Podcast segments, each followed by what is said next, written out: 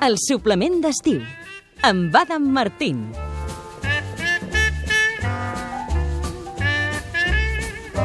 I ara que són tres quarts, el l'Àlex aixeca el dit per dir alguna cosa. No, no, era per dir-te que aquesta és la primera cançó que havíem preparat per avui. Mac Sí. the Knife. Sí, senyor. Som el The Great Catalan Songbook i repassem avui cançons relacionades amb la màfia, cançons d'aquest cançoner català, eh, americà de cançons estàndard, que és un clàssic, però avui relacionades amb la màfia. Sí, la, la delinqüència en general, eh? I aquesta, de l'Armstrong, el Mac the Knife. Clar, Mac the Knife, Mac el Navaja, Mac i Navaja, no? Sona del, del, del còmic, no? També. Sí. Clar, és una, és una cançó d'un musical que es diu Mackie Messer, bueno, la musical no, la cançó, de, amb lletra Bertolt Brecht i música de Kurt Weill. I aquí tenim la versió famosíssima de Louis Armstrong. Mm. Just a Tu jackknife, li dius Louis perquè ja... El, sí, perquè no, que sou, hi ha una em va relació, permetre no? anomenar-lo així. it Abans de traspassat va dir, Àlex, tu pots dir-me Louis. Sí, sí, això els col·legues. with his teeth. Mac the Knife, aquesta és la versió de Louis Armstrong. Sí, és una cançó superfamosa, forma part claríssimament del, del songbook versionada mil vegades. I una vegada d'una manera molt curiosa. El, el compositor centroamericà Rubén Blades Mm. no la va ben bé versionar, però va escriure una cançó espectacular, boníssima, inspirada en aquesta, que a vegades ha tingut conflictes, perquè hi ha gent, no, però és una plagi, què va? No és un plagi, és una cançó inspirada. Té una mica les tensions harmòniques que té aquesta, eh, la, la mateixa cadència i la mateixa temàtica, perquè això és Mac the Knife, Mac el Navajas, el Mac el, el Ganivets, eh, i ell va fer Pedro Navaja. Por la esquina del viejo barrio lo vi pasar con el tumbao que tienen Tinc molt record d'aquesta cançó, els anys andando. 78, tinc molt el record de que és les primeres cançons de que jo sent petit vaig donar-me compte de que les lletres de les cançons podien explicar històries. Amb aquesta cançó? Ah, de les primeres, eh? Va, em va passar amb, quatre, amb tres o quatre cançons em va passar això. Clar, I aquesta era una d'elles. Fins, fins aquell moment les cançons que sentíem eren una mica... Claro, te quiero, sí, t'estimo, sí, I love you, I love you. Sí, sí, sí. I et dius, ah, hi ha, una, hi ha un relat Clar, aquí. les d'anglès, deixant... Clar, jo tenia 4 o 5 anys, però, però les, eh, les cançons en castellà, en català, que començaves a dir, ostres, aquí hi ha alguna més que no només dir t'estimo, amor meu... Plantejament, nus i desenllaç. En, aquest, en aquesta molt, eh? És I com tant. una novel·la. Perquè Como a tres cuadras de aquella esquina. està super ben feta, aquesta cançó, no? Tota aquesta cosa del, del Latin jazz, no? De, de, de, de la, aquesta samba lenta, no? Jo no, no, no sabria descriure, descriure exactament, no? Els, Aquest seria un great uh, Latin, Latin songbook, songbook, eh? sí. És un estàndard clar, total. pot- potser és l'estàndard més, més pla de... Aquests arranjaments tan rics de... Sí, senyor. Willy Colón. Willy Colón es deia l'arranjador d'això. Tot ho saps, tot ho saps. Ah. Què més? Però bé, a veure, estem dient, això són delinqüents. Mac the Knife, Pedro Navaja, són petits delinqüents. A la pel·lícula El Padrino hi havia un, un personatge que es deia Johnny Fontaine. Sí, senyor, que era un Johnny- cantant. Era un cantant que el Padrino li posava diners per, per ajudar-lo a pujar en la música, no? Perquè si no et posa diners a algú és molt difícil triomfar a la música. Ho he comprovat personalment. I no, no, no... Eh, molta gent no trobem el mafiós de torn i hi ha altres que sí. Llavors, el, en el Padrino es deia que el personatge Johnny Fontaine sí que eh, triomfa gràcies a l'ajuda del Padrino i fa unes cançons com I have but one heart. I have but one heart. Aquesta és de la banda sonora original de la pel·li.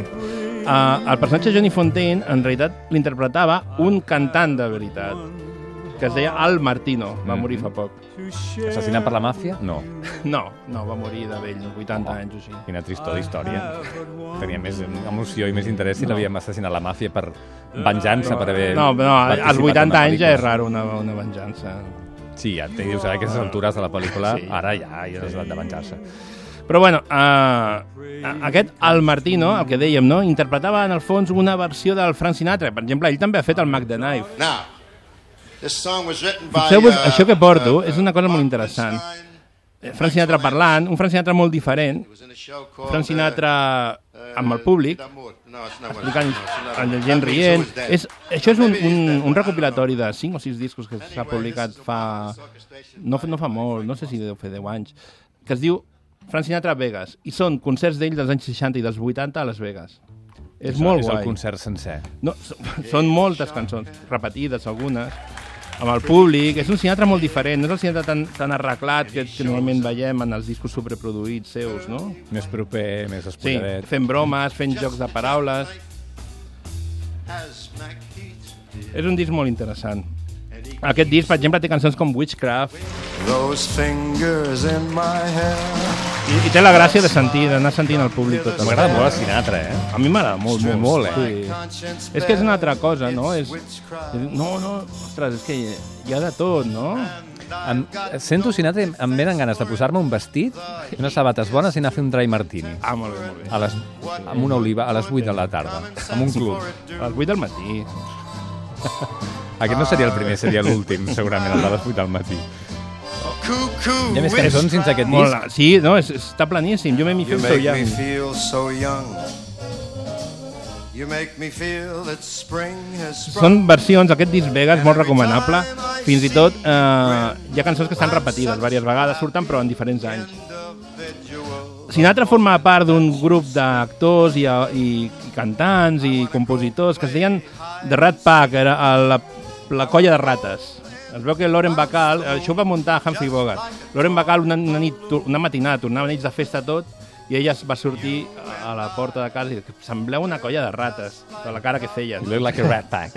Sí. I es va, quedar, es va fixar el nom. I es va quedar que eren, nom, que eren. Dean Martin, Frank Sinatra... Sí, és que hi ha hagut, el Rat Pack ha canviat molt. Hi ha un Rat Pack dels 50 i un dels 60. Dean Martin i Sammy Davis Jr., aquests són més del final, eh? O sigui, són Ah, els que sí? més coneguts han estat. D'acord.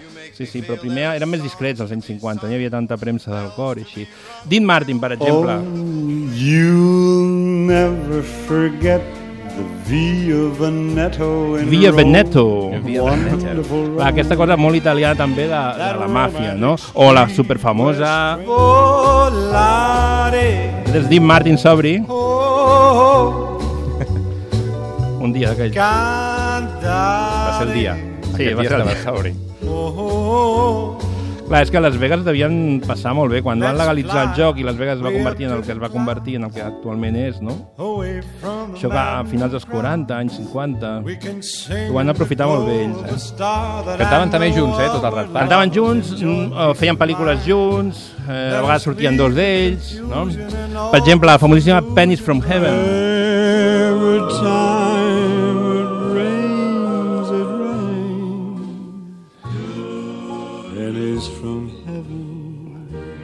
Sammy Davis Jr. cantant Ain't Got Nobody. I ain't got nobody and no Las Vegas en general és, és coneguda com, com una ciutat que fem eh, la vista gorda, no? una mica de dir, home, aquí hi ha algo raro aquí, no? de Sí. la màfia, darrere...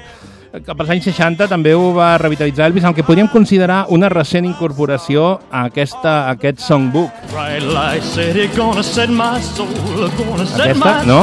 Diries, no, és un, no, és un, no és un estàndard americà. Ostres, jo crec que el pas del temps farà que moltes coses ho siguin. De fet, hi ha algú- en, alguna, en algun dels discs Vegas, de, en alguna del, dels diferents CDs Vegas del, del Sinatra, i canta You Are the Sunshine of My Life, per exemple. De l'Stevie Ah, Wonder. Sí, sí, sí. Per exemple. Caramba. Viva Las Vegas també l'ha versionat tothom. Fins i tot Bruce Sí, molt, molt. Springsteen, Però és un èxit posterior, ta- tardà, de, de, Aquesta em costa, eh, com a cançó. Sí, és que jo la, va sonar a la meva, al meu casament a Las Vegas, llavors li tinc un record. Jo em, posa, em venen ganes de posar-me un barret de cowboy, saps? Sí. Un I ara- Malboro i descobrir te- terrenys I ara podríem, perdó, però podríem pensar quina cançó catalana parla de màfia. No ho diries mai, a veure. Home, no. A veure, aquesta cançó, La Mare, de l'any 21, escrita per l'empresari del paral·lel Manel Sobranyes, Ah, és una, una cançó de bressol preciosa, de veritat. És increïble. Maquíssima. És, és una cançó brutal. Especialment la, el, el primer vers, tot el que estem sentint ara. Perquè jo tinc la, la, la teoria de que en aquesta cançó hi ha un efecte Porcioles. Sabeu això de Porcioles, que és aquest Va alcalde de l'alcalde de Barcelona, Barcelona que 60. va permetre construir pisos extras en els edificis clàssics, no? Mm. Llavors veus edificis clàssics i de cop hi ha com un àtic i un sobreàtic raros. És l'efecte Porcioles. Jo crec que aquesta cançó té un efecte Porcioles perquè té la segona... Aquesta és la cançó que li canta la mare al nen que acaba de néixer, el que ha de ser, no? Però el segon vers, fixeu-vos què diu. El nen és més gran, la mare plorant li diu cada dia no surtis de nit i fuig dels burgits treballa Heu vist, no? Que, eh, Trobo que és un, una, una cosa rara, no? La, la, no li pots cantar un, a, un, a un nadó això, de, el nen s'ha fet gran, la mare plorant, ell surt cada nit, on vas? Algú t'està aconsellant malament? D'això ja en vam parlar fa dos anys i jo vaig fer un tercer vers per la cançó La Mare. La, el com seguiria la història. Sí, aquest, aquest tercer vers el vaig fer ara fa dos anys.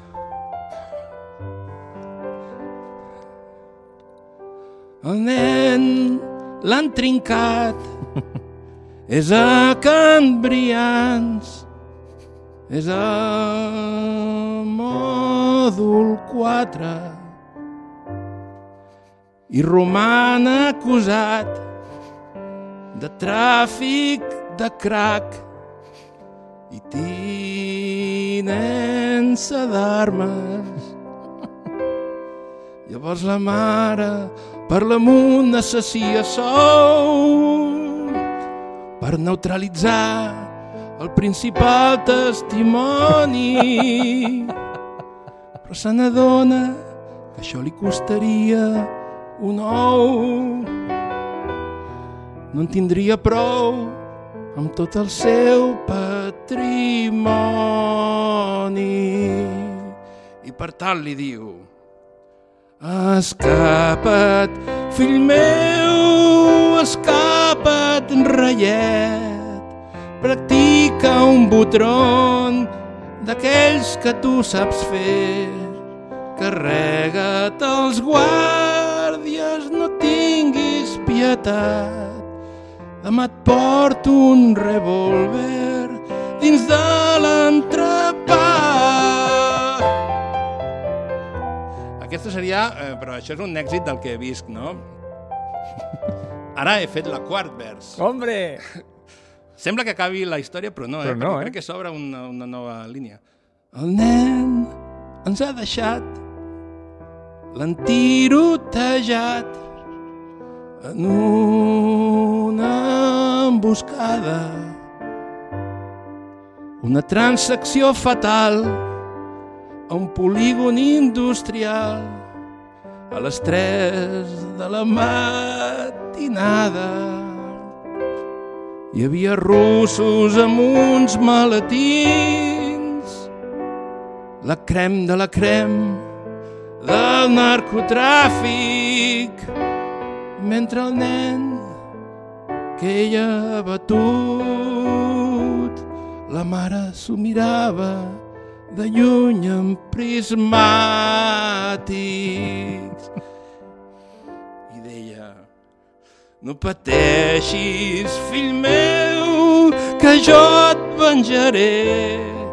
Compraré un subfusell a través d'internet. He vist una oferta d'uns ex-talibans a cas 47 seminous remanents d'Afganistan.